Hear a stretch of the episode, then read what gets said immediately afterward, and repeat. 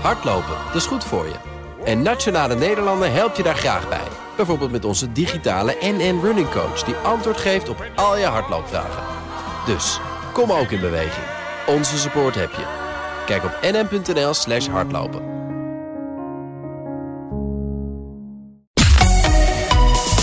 BNR Nieuwsradio. De AEX-factor. Paul Lasseur. Welkom bij de AEX-factor, met daarin alles over de beurzen, beleggen en vermogen opbouwen.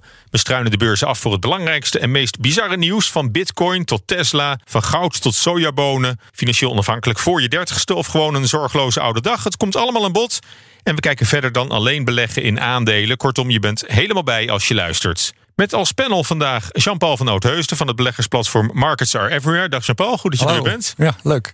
En eh, Nico Inberg van de aandeelhouder, ook een eh, oude bekende inmiddels eh, van het programma. Eerst gaan we naar Jackson Hole, want daar heeft Fed-voorzitter Jerome Powell zijn lang verwachte toespraak eh, gehouden.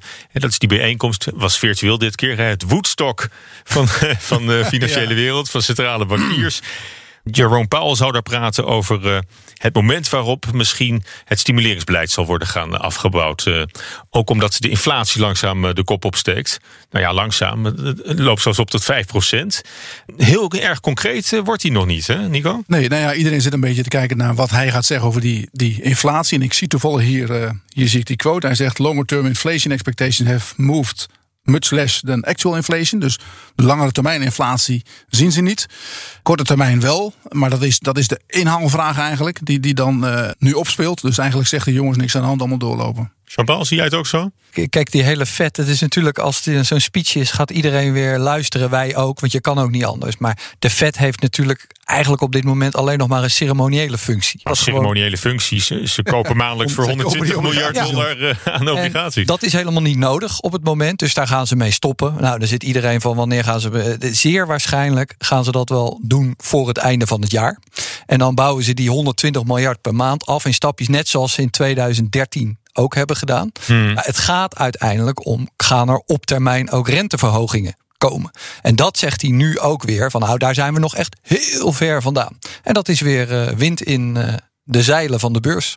De eerste reactie is positief. Ja, ging er meteen omhoog. We gaan praten over eh, materiaaltekorten. Hè. De wereld is al maanden in de ban van eh, materiaaltekorten. Hout, papier, metaal, kunststoffen, computerchips. Het is allemaal niet aan te slepen. En dat raakt autofabrikanten, bierbrouwers en voedselgiganten keihard in de portemonnee.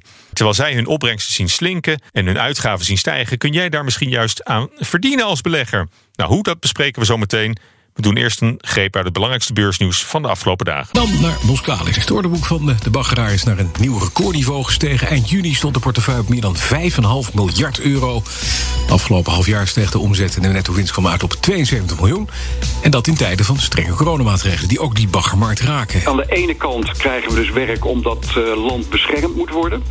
En aan de, andere kant, aan de andere kant krijgen we werk ja, omdat we meehelpen in die energietransitie. Ja. waarbij wind op zee, hè, ook in de recente plannen van de Europese Commissie... natuurlijk een, een hele pregnante plaats uh, krijgt uh, in, de, in de totale transitie. Samsung announced on Tuesday it was investing 206 billion dollars over the next three years to bounce out of the global health crisis. De grote verzekeraar ASR opent vandaag zijn boeken. In het eerste halfjaar van 2021 presteert het bedrijf prima. Er zit natuurlijk wel wat pijn aan te komen. De, de claims vanwege de overstroming in Limburg. We hebben inmiddels van uh, net iets meer dan 600 mensen een uh, concrete claim gekregen. Onze inschatting nu is dat ons dat tussen de 20 en de 30 miljoen zal kosten. Tegelijkertijd is dat ons bestaansrecht. Ja, we hoorden het al even langskomen. Boskalis zet zichzelf in maart nog eens goed op de kaart als redder in nood na het lostrekken van eh, containerschip Evergiven in het Suezkanaal. Maar goed, Evergiven is natuurlijk een eenmalig project. De strategie van de baggeraar is vooral gericht op meehelpen in de energietransitie en het land beschermen tegen klimaatverandering. Nou, die strategie legt ze geen windeieren. Na een dramatisch jaar 2020 met 96 miljoen euro verlies noteert Boskalis nu een winst van 72 miljoen euro en een gigantische orderportefeuille. Dat hoorden we ook, hè, recordhoogte. Wat is er in zo'n korte tijd veranderd, Jean-Paul, voor Boskalis? Van, van, een, van een dik verlies naar een, naar een miljoenen winst. Ja, nou, ze hebben een moeilijke periode gehad. Dat hoor je CEO Berdowski ook regelmatig uh, zeggen. Uh, ze hebben door corona toch ook wel veel last gehad. Dat ze mensen naar een locatie moeten brengen. Ze zijn natuurlijk internationaal actief. Ze moesten op een gegeven moment met een schip, geloof ik, omvaren via Japan terwijl ze ergens anders in Azië moesten zijn. Dat kostte al acht dagen 100.000 euro. Dus ja, dat tikt allemaal flink aan. En nu, ja, ze zijn heel goed gepositioneerd. Je hoorde het net al, twee uh, vlakken. De hoogwaterbescherming in Nederland. Mm. Ja, en dan het duurzame, alhoewel het duurzame, het is, ze, ze werken zowel aan oliepijpleidingen als aan uh, ja, zeg Ja, maar bekabeling naar, naar windmolens. Dus het is niet alleen maar duurzaam. Het is niet alleen windenergie hè, wat ze doen. ik geloof dat ze ook eh, eh, aan, een, eh, aan, een, aan een nieuwe luchthaven voor de Filipijnen gaan, gaan werken. Dat is een megaproject. Ja, ja, nee, dat ook. Dat, kijk, dat die, die, die orderportefeuille is nu enorm groot. Maar dat is met name dat het project wat ze binnengehaald hebben in, in, eh, op de Filipijnen, bij Manila aan vliegveld. Ja, voor mij is dat een, een grootste opdracht ooit. Hè? Ja, en dat heeft er ook voor gezorgd dat, kijk, dan is ja, voor zo'n bedrijf is dat een enorme opluchting als je zo'n opdracht binnen hebt. Want dat betekent dat je schepen grotendeels een aantal jaren bezet zijn. En dan kan je even de, eh, ja, de overige offertes die lopen, kan je wat rustiger aan doen. Kan je hogere prijzen vragen. En ik denk ook dat eh, dat geldt voor die hele markt. Eh, bijvoorbeeld de Belgen, de Belgische concurrenten DME en, en eh, CRV. Of uh, die Jan de Nul. Die hebben ook een paar goede opdrachten binnengekregen. Dus ze, gaan, ze kunnen allemaal hun, hun tarieven wat gaan ophogen. En uh, dat betekent dat de winst uh, voor deze jongens de komende jaren behoorlijk omhoog zal gaan. En er komt heel veel werk aan ook nog. Ja. En wat ze, Maar, maar denk je dat, dat Boskalis op enige manier last heeft van, uh, uh, van hun uh, groene imago? Hè? Dat ze aan de ene kant voor de luchtvaartindustrie zo'n zo monsterproject gaan doen. Hè? Anderhalf miljard euro, begrijp ik. Dus dat zo'n grote opdracht hebben ze nog nooit gehad. Terwijl ze aan de andere kant maken ze goede sier natuurlijk met, met al die windenergie. Ja, nou, de, de, CEO hoor je het ook zeggen. Kijk, we hebben de luxe niet om te kiezen. Om te zeggen, we doen alleen maar het een of het ander. We moeten alle opdrachten die we kunnen krijgen mm. om uh, de schepen aan, aan de gang te houden, die moeten we aannemen. En ja. dat is wat ze doen. En ze willen het water wit varen, hè? Zo, zo zegt hij dat altijd. ja, mooie tekst. Ja, ik moet wel lachen altijd over die windenergie. Want hij heeft een aantal jaren geleden, heeft hij, toen liep hij echt ja, te schelden op die, uh, op die windmarkt. Dat daar niks te verdienen viel en alleen maar van... Afgrijzelijke industrie. Ja, van, van subsidie aan elkaar hing. En nu, uh, je zag ook in de cijfers dat ze... Ja, die molens draaien niet op wind. Nee, de helft van de, de omzet van, van, van offshore energy, dat komt nu van windenergie. Dus nu vinden ze het echt een mooie markt. Ja, ja, want uh, is, is, dat, is dat helemaal veranderd? 40% van de omzet komt nu uit die hoek, uh, geloof ja, ik. Hè? Ja, 43%. Dus dat, dat, dat is echt wel een, een, een, verandering. En daar zit ook heel veel aan te komen. Je zag vandaag ook aan de cijfers van SIF. Die, die last die palen in elkaar, zeg maar. Die, mm -hmm. die hebben het orderboek ook vol en dat aandeel loopt ook lekker op. Dus daar, daar verwachten ze heel veel werk. Met name vanuit Amerika ook. Want Amerikanen onder Biden nu ook beginnen met windenergie. Ja.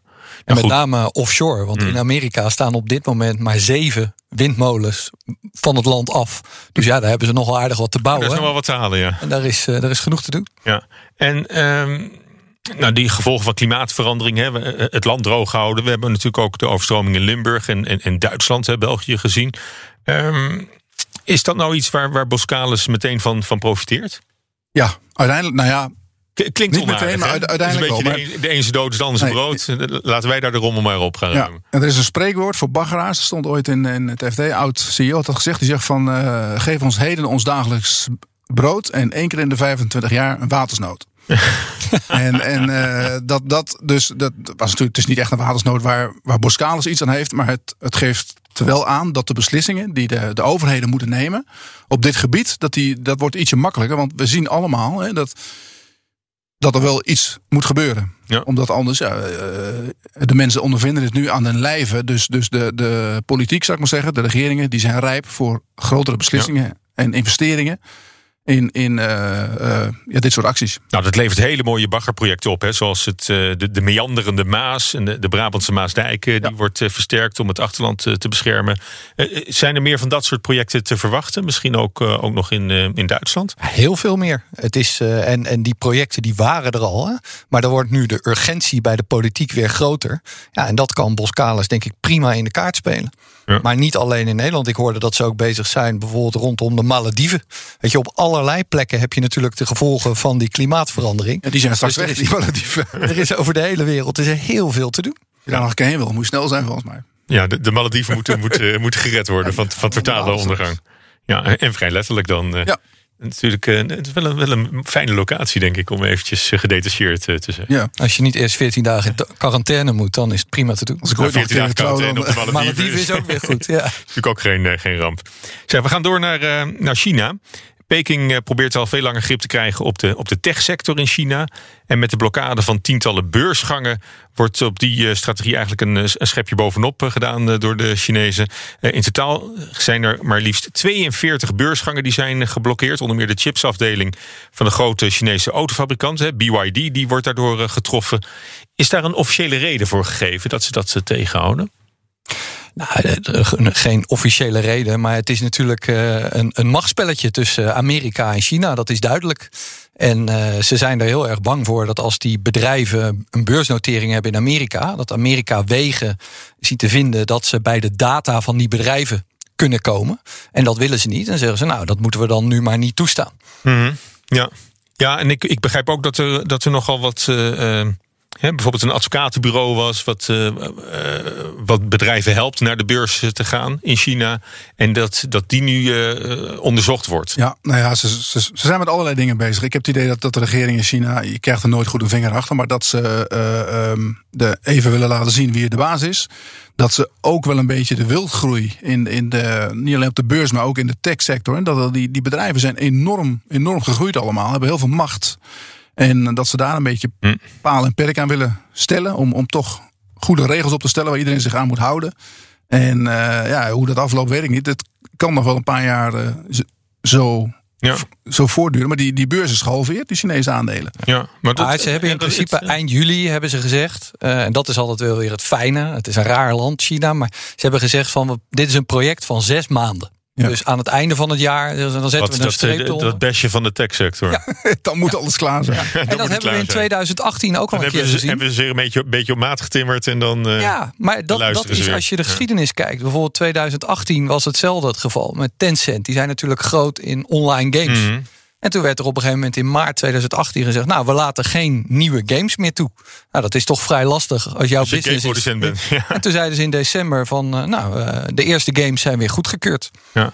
Dus dat is voor alle mensen die nu zitten, hè, want als het zo hard afgestraft is, allemaal mensen, moet ik er dan nu in? Nu in? Nou ja, vaak krijg je toch wel in de loop der tijd een duidelijke hint. Dat ze zeggen, nou nu laten we het met rust. Ja. Dat is ook weer mooi voor beleggers. Maar goed, die strengere regels en sancties werden eerder al eh, opgelegd. Uh, nou, niet alleen aan Tencent, maar ook aan uh, Didi en Alibaba. Hè, de, toch de wat bekendere bedrijven ja. uit, uit China. wat we nu zien, dit project van een half jaar om, om die techsector verder op maat te slaan. Is dat, past dat in dat rijtje? Ja, ik denk het wel. Maar het is, het is kijk, ze gaan, ze gaan proberen om al die bedrijven een een beetje anders uh, op te lijnen, zou ik maar zeggen. En um, hoe ze dat precies gaan doen, dat is, daar komen we natuurlijk niet achter. Maar je ziet wel dat die bedrijven, die, die werken allemaal mee. Als je ook ziet de, de persberichten die ze afgeven. Bedrijven zeggen er eigenlijk niks over. Anders dan dat ze zeggen van oké, we hebben een, een aanwijzing gehad van een, noemen ze een, een, een decision of een opinion. Uh, hoe het moet. En dat, dat gaan we opvolgen. Dus, mm. En dan wachten ze af wat de regering gaat zeggen. Of de toezichthouder in dit geval, het stuk de regering. En dan gaan ze het gewoon doen. En als ze het gedaan hebben, dan zullen ze wel weer uh, min of meer ja, losgelaten worden. Want het is natuurlijk niet de bedoeling om die sector te slachten. Want dat is, uh, die sector, ja. die, daar kan je niet omheen. Ja. Maar goed, het is ook een beetje het beleid van, van de gemeenschappelijke welvaart. Hè? Dat is een beetje wat uh, Xi Jinping laat, laat doorschemeren. Uh, dat, is, dat is toch een beetje meer de Maoïstische principes die ja, worden. maar dat is, dat is de basis waar heel China op, uh, op drijft. Het sociale contract. En dat ze het voor iedereen goed willen laten zijn. En dat was een beetje doorgeschoten.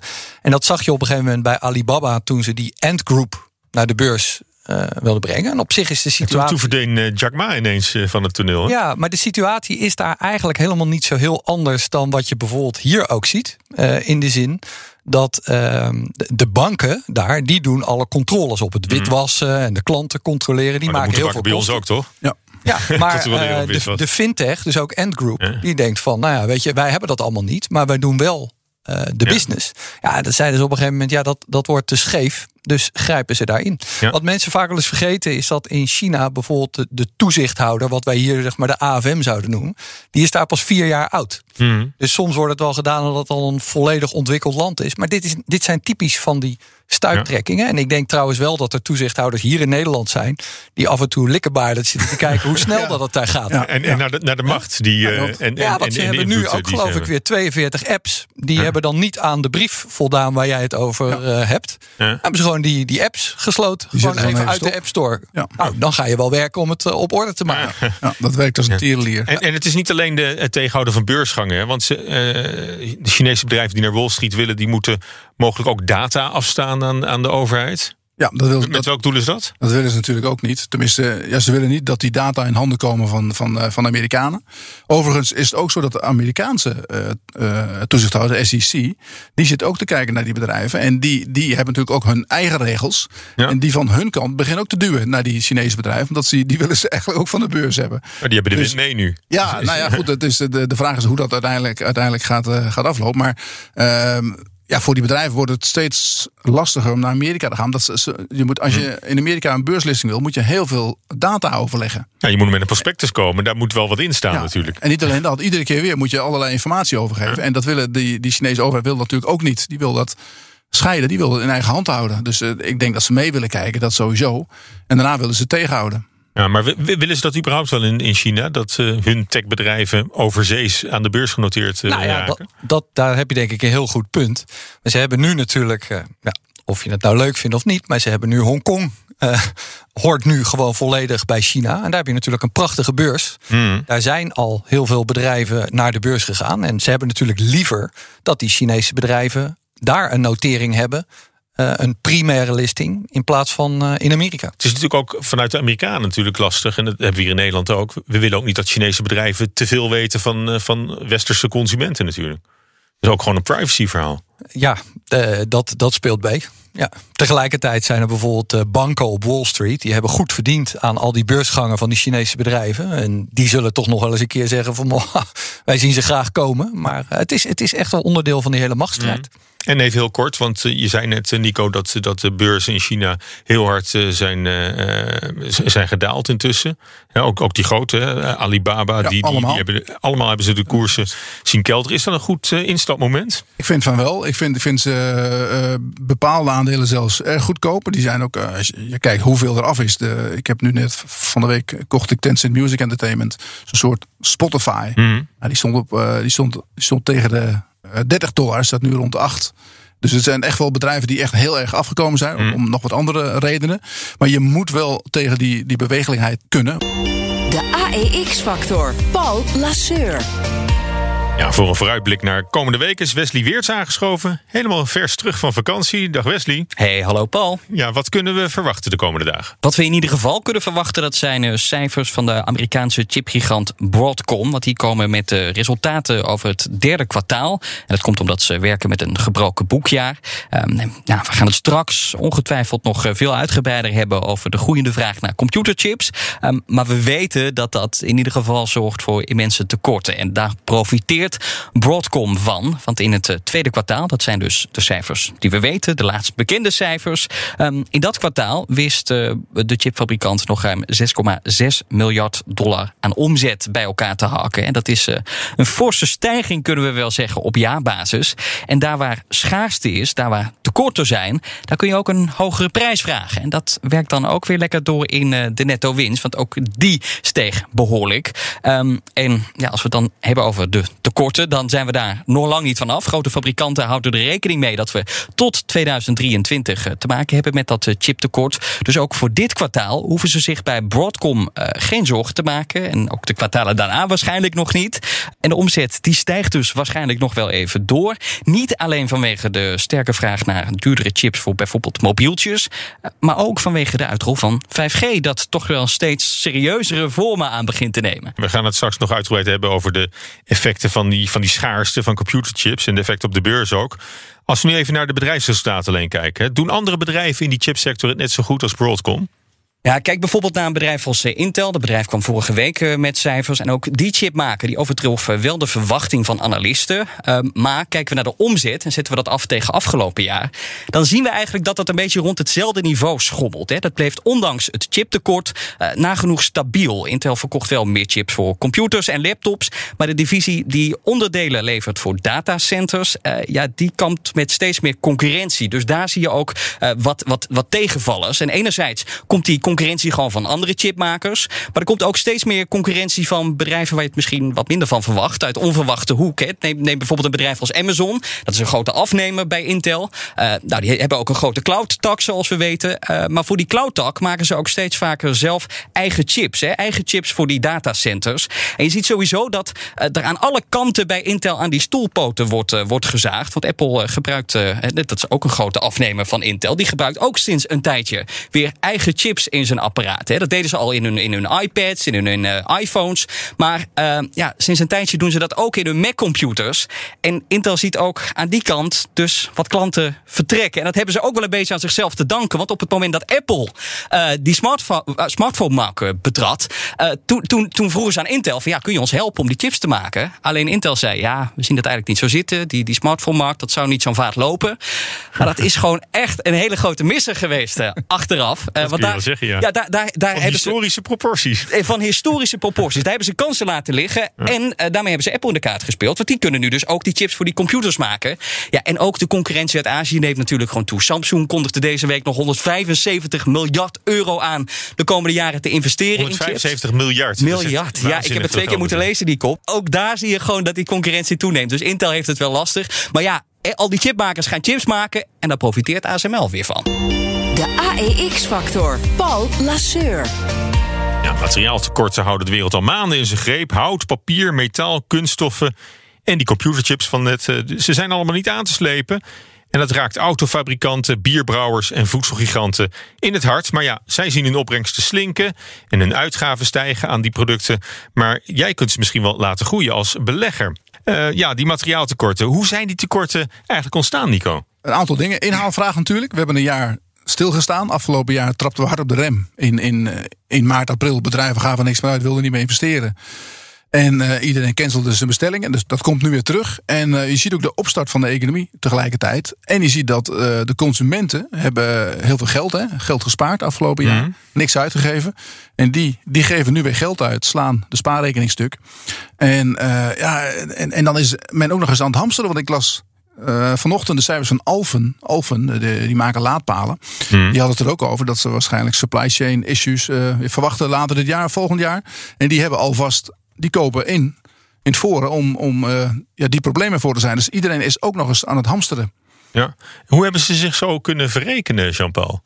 Vooraf, bijvoorbeeld Toyota, die hebben gezegd van nou, wij wachten even met, met computerchips. En nu krijgen ze ze niet geleverd. Dus ze hebben zichzelf behoorlijk in de voet geschoten. Nou ja, het, met, met, met, het annuleren van die opdrachten. Ja, precies. Van de maar wat, wat wel intrigerend is, en dat is ook goed om, uh, om dat te bekijken, is dat je dus het verschil ziet tussen de verschillende sectoren. Kijk, die, die autobouwers, die zijn gewoon zo van, nou ja, weet je, dan mogen mensen niet meer naar de showroom. Uh, we zien minder orde, huppakee, cancelen om kosten te besparen. Want die zitten op hmm ja, een hele korte termijn planning.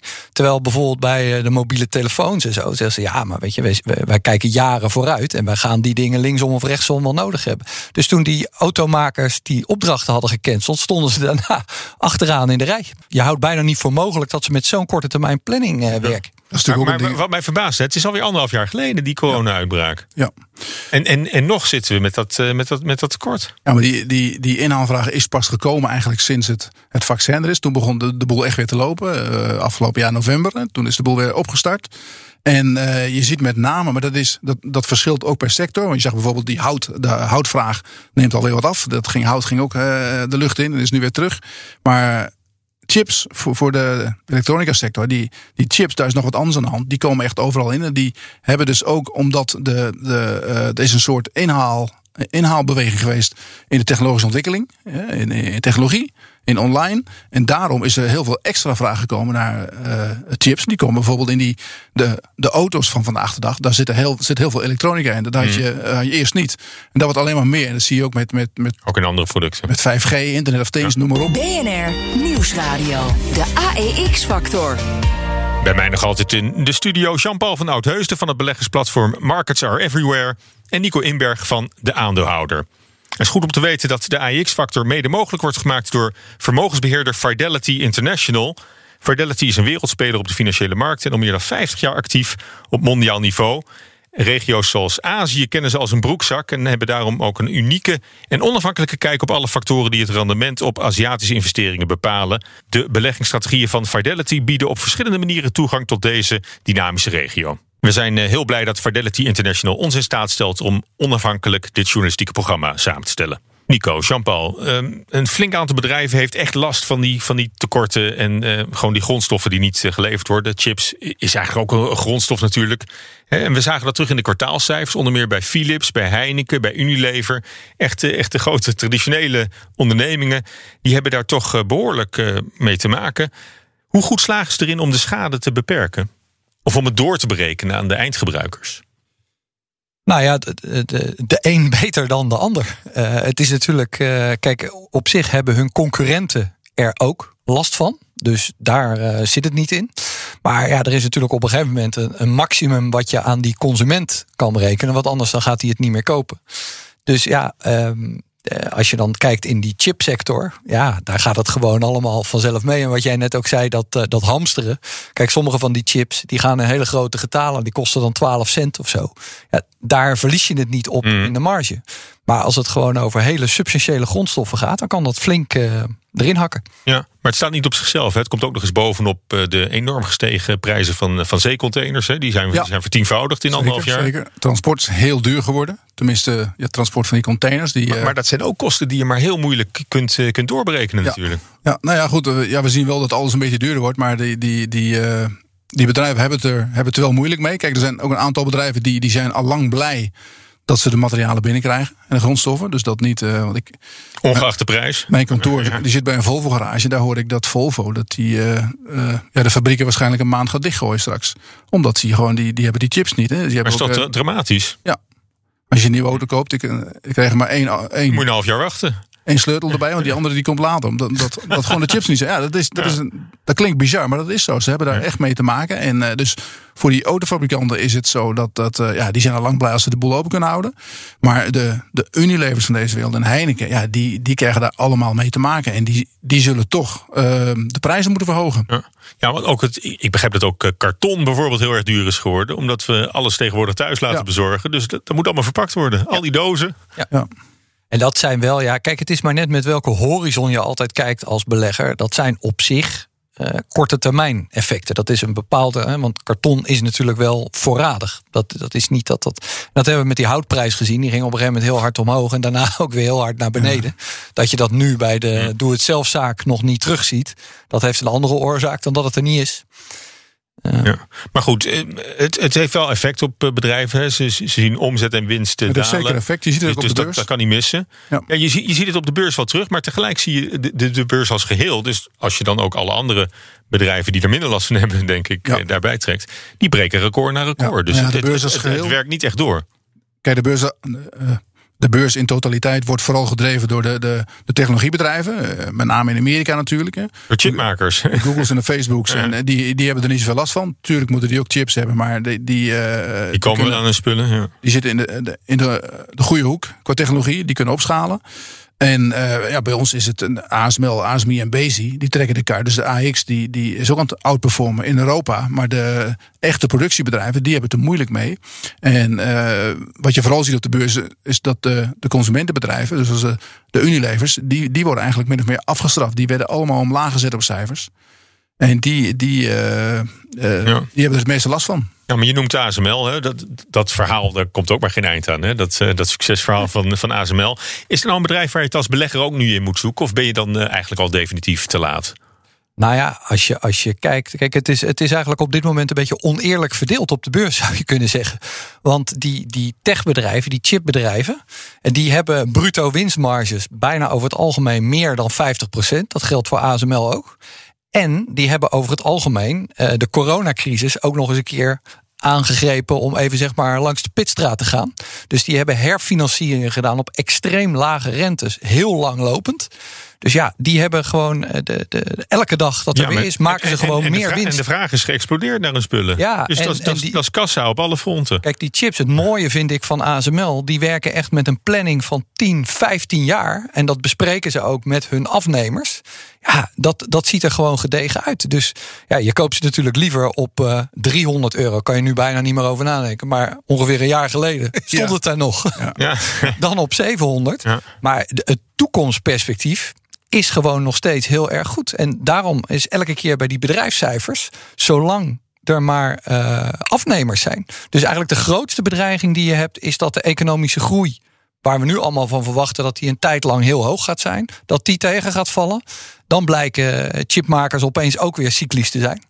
Maar voorlopig eh, ziet het daar nog niet naar uit. Nee, maar goed, het, het stelt ook Samsung in staat, hè, eh, waar we het eerder over hadden, deze uitzending, de komende drie jaar 175 miljard euro te investeren in, in de chipsproductie. Ja, dat is heel veel geld. En dat geld gaat dus naar de ASML's van deze wereld. Wat Wesley net al zei. Dat klopt inderdaad. Maar eh, kijk, de- er zit wel een soort economische cyclus in. Alleen nu is die even weg.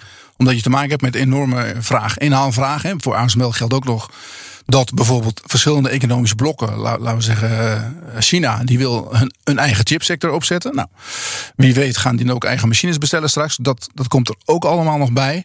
Maar eh, die economische groei die nu enorm hard gaat, die, die wordt in mijn ogen althans gedreven door, door een heel groot stuk inhaalvraag. En eh, ik Maar vraag me wel of het over een jaar, anders anderhalf jaar. Dat we over een paar jaar met een enorme overproductie Nou ja, zitten. dat kan dus. Als iedereen nu aan het hamsteren is, dat hebben we toch ook een jaar geleden gezien met dat wc-papier. Iedereen ging wc-papier hamsteren. En eh, dat is als er iets is wat je op, met, met bepaalde regelmaat gebruikt, is het dat. En dan zag je dat, ik, eh, letterlijk, ik was een, een, een half jaar daarna bij Albert Heijn, had ik nog een foto van gemaakt. Was wc-papier in de aanbieding voor 50, voor 50 procent. Omdat dan, dan is er overschot. Iedereen heeft gehamsterd en daarna, daarna niks meer gekocht. Nou, dat gaat hier ook gebeuren straks. Ja. Dit is het, wel het, het zegt ook wel hoe, hoe volatiel die markt is hè, van, van de toeleveranciers. Ja, dus het is geen rustig bezit. Het is net als die Chinese aandelen van jou, eh, Nico. Nee, nee, maar het, gaat altijd, het gaat altijd hard op en neer. Dit is, is natuurlijk een bepaalde cyclus in, in de economie altijd. En eh, dat duurt vaak een aantal jaren. Alleen nu is die, eh, ja, die cyclus is verstoord omdat eh, de corona geweest is. En we moeten, we moeten wat inhalen. En dat, dat geldt ook voor degene die, die de spullen kopen. De consumenten, die hebben nu die hebben een anderhalf jaar niks uitgegeven. Een jaar, laten we zeggen. En nu komt die vraag enorm op gang. Dus, en allemaal tegelijk. We willen door dezelfde deur.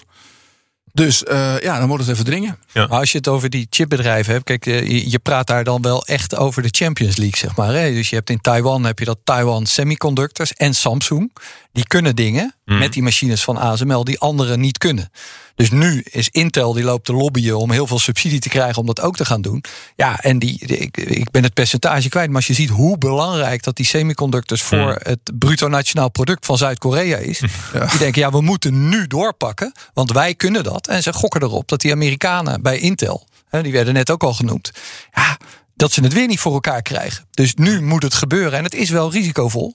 Maar ze kunnen ook bijna eigenlijk niet anders. Want als dadelijk die vraag in Amerika wordt gemaakt, ja, dan wie, wie neemt het dan nog af? Nou, wat nog interessant is natuurlijk eh, een beleggersprogramma tenslotte. Hoe je daar als, als belegger naar moet kijken. Bijvoorbeeld naar, de, naar die auto-industrie. Hè. Die heeft rake klappen gehad, eh, juist door die, door die inkoopproblemen. Ehm, is zo'n dip dan voor jullie een, een instapmoment? Of, of is de autosector toch iets waar, waar, ja, wat, je, wat je een beetje moet gaan afbouwen? Nou ja, die, die, die autosector is natuurlijk ook weer een hele specifieke markt. Daar heb je Tesla en de rest. Ja. Nou, ja, de rest lag op apengapen. Het wordt nu ietsje beter. hè, Maar de, Nou, er komen ineens allemaal elektrische die- auto's aan. Ja, die, de die Volkswagen- ID, eh, je kon ID Volkswagen- 2, 3. ja, je kon Volkswagen krijgen op acht keer de winst. Terwijl Tesla is, eh, nou ja, op een gegeven moment was Tesla meer waard dan alle andere autofabrikanten bij elkaar. Ja. En eh, als je daarnaar kijkt, ja, ik, ik, ben, eh, dat weten mensen, ik, zit short in Tesla al een tijdje. En ik denk dat, het, dat het, die beurs wat dat betreft helemaal doorgeslagen is. Want dat is zo, zo waanzinnig overgewaardeerd in Ja. jouw ogen. Heel erg overgewaardeerd, maar ook de, de andere partijen zijn ondergewaardeerd. En Volkswagen die komt er echt aan met hele mooie modellen. Die gaan ook allemaal. Kijk, iedereen gaat straks elektrische auto's maken. De een nog mooier dan de ander. Er komen heel veel leuke modellen aan. Ook, ook voor, eh, eh, ja, voor elk wat wils. En eh, ja, ik denk dat die, die autosector best wel ondergewaardeerd is. De, de overige aandelen althans. En dan is zo'n grondstoffentekort tijdelijk, hè, zo'n tijdelijke dip, misschien een goed moment. Nou ja, het kost hun wel geld natuurlijk. En, en eh, ze kunnen minder afleveren. Maar die elektrische auto die, die gaat er gewoon komen. Dus, uh, en sneller dan dat een hoop mensen denken. Mm. want er wordt allemaal gezegd, dadelijk vanaf 2030 of 35 niet meer. Ja, daar gaat natuurlijk niemand op zitten wachten zo lang. Nee. Dus die hele ontwikkeling die gaat veel sneller. En daarom krijg je van die extreme waarderingen. Ja. Die Maar goed, dat, en, dat- maar niet op het gebied van chips alleen is dat een, een grondstoffenvraag. Ik denk ook voor, voor, voor de lithium die, wat is het, uit, Afghanistan moet Zeker. komen.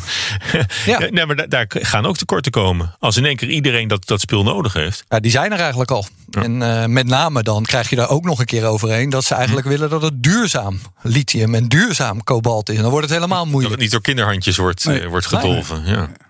Nee, dat wordt lastig allemaal. En, eh, maar ik bedoel, lithium, dat, dat kan wel opgeschaald worden. Maar je ziet nu al, hè, afgelopen week had je eh, het gerucht dat AMG, is Nederlands, een Nederlands bedrijf, staat op de Nederlandse beurs, dat die hun lithiumtak zouden willen verkopen aan waarschijnlijk een autofabrikant. Eh, er is nog niks officieels van bekend, maar dat aandeel liep gewoon 15% op. Ja. Dus de, er wordt ook, ook op Wordt die goed ma- op gelet. Er wordt op die manier gekeken door hele grote partijen van hoe die, hoe die stromen lopen.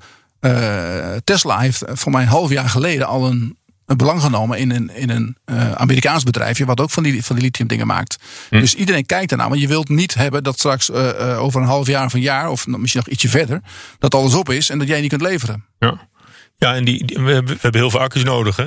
Dus Ja. dat, Ja. dat kan niet missen. Ehm, even in, in het algemeen. Is nou een sector die, die ju- juist in het licht van het grondstoftekort heel erg interessant is voor jullie?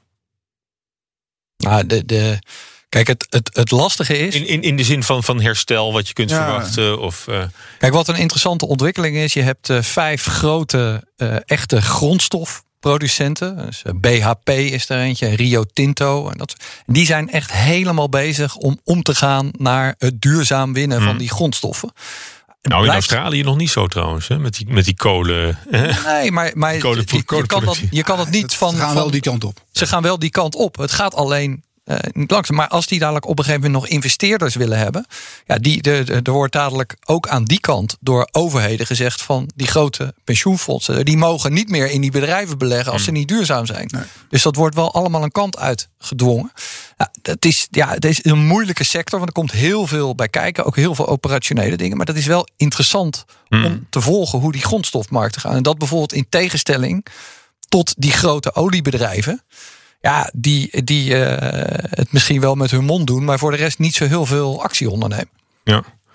Nou, ik geloof dat het Shell ook eh, elektriciteit gaat leveren hè, aan, aan de Ja, nou, die, willen, die zijn eindelijk een klein beetje aan het opschuiven. Je zag ook dat het aandeel ietsje beter lag afgelopen week. Maar dat, die moeten natuurlijk iets doen om, om weer in het pulletje te passen. Ja. Want nu hebben ze ja, de grote pensioenfondsen, verzekeraars. Die laten die aandelen of ze verkopen ze of ze laten ze links liggen. en, en uiteindelijk blijft die koers dan achter. En dan kan je zeggen, ja, die moet je kopen. Maar ze moeten wel iets gaan doen. Mm. Omdat, eh, ja, ik denk in 2050, dan, dan is 40% van die vraag naar olie is weg. Is gewoon weg. Dus da- daar moeten ze wel op, op inspringen en ook op tijd.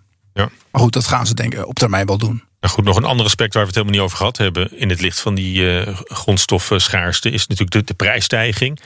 Dat moet ook wel doordruppelen in de, in de algemene inflatiecijfers bijvoorbeeld. In de Verenigde Staten steeg de inflatie al eventjes boven de 5 Ja. Wat als we straks echt een, echt een inflatiegolf eh, krijgen? Ja, die, ja, voor mij hebben energieprijzen die zitten niet in de kerninflatie, geloof ik. Dus dat, dat, eh, wat dat betreft. Nee, maar, maar, maar, wel de- is de inderdaad auto's, waar. eh, auto's natuurlijk wel. Ja. En, en, en Ja. er komen duurdere chips in. Tweedehands wordt- auto's waren ontzettend veel duurder geworden. Auto's, ja. En, en ja, we krijgen straks nog de loonstijging. Want je ziet nu al, dat is in Nederland aan de hand, komt in andere landen ook, denk ik, dat, dat, er, dat er meer vacatures uitstaan dan dat er, dat, dat er werklozen zijn. Ja, horecapersoneel. Hè, die, Ja, dus de, de, de lonen gaan omhoog straks. Dat kan niet anders. ja. Als ze met deze groei doorgaan. ja, is, is, zie je dat ook eh, gebeuren? Ja, alleen de, de, Echt van een loonprijsspiraal. Je moet gewoon we dat allemaal op de middelbare school hebben, hebben geleerd. Nee, ja, je, je, je- die, die inflatie die is er al. Ja, ik moet altijd met je. Ik vind dat een lastige discussie over inflatie. Die is er gewoon. Het is eigenlijk gewoon een soort verkapte belasting. Dus je kan Hmm. daar ook verder niet zo heel veel mee. De beurs is dan meteen weer. Oh, we krijgen hyperinflatie. Nou, dat loopt volgens mij wel los. Want zo goed draait die hele economie nou ook niet.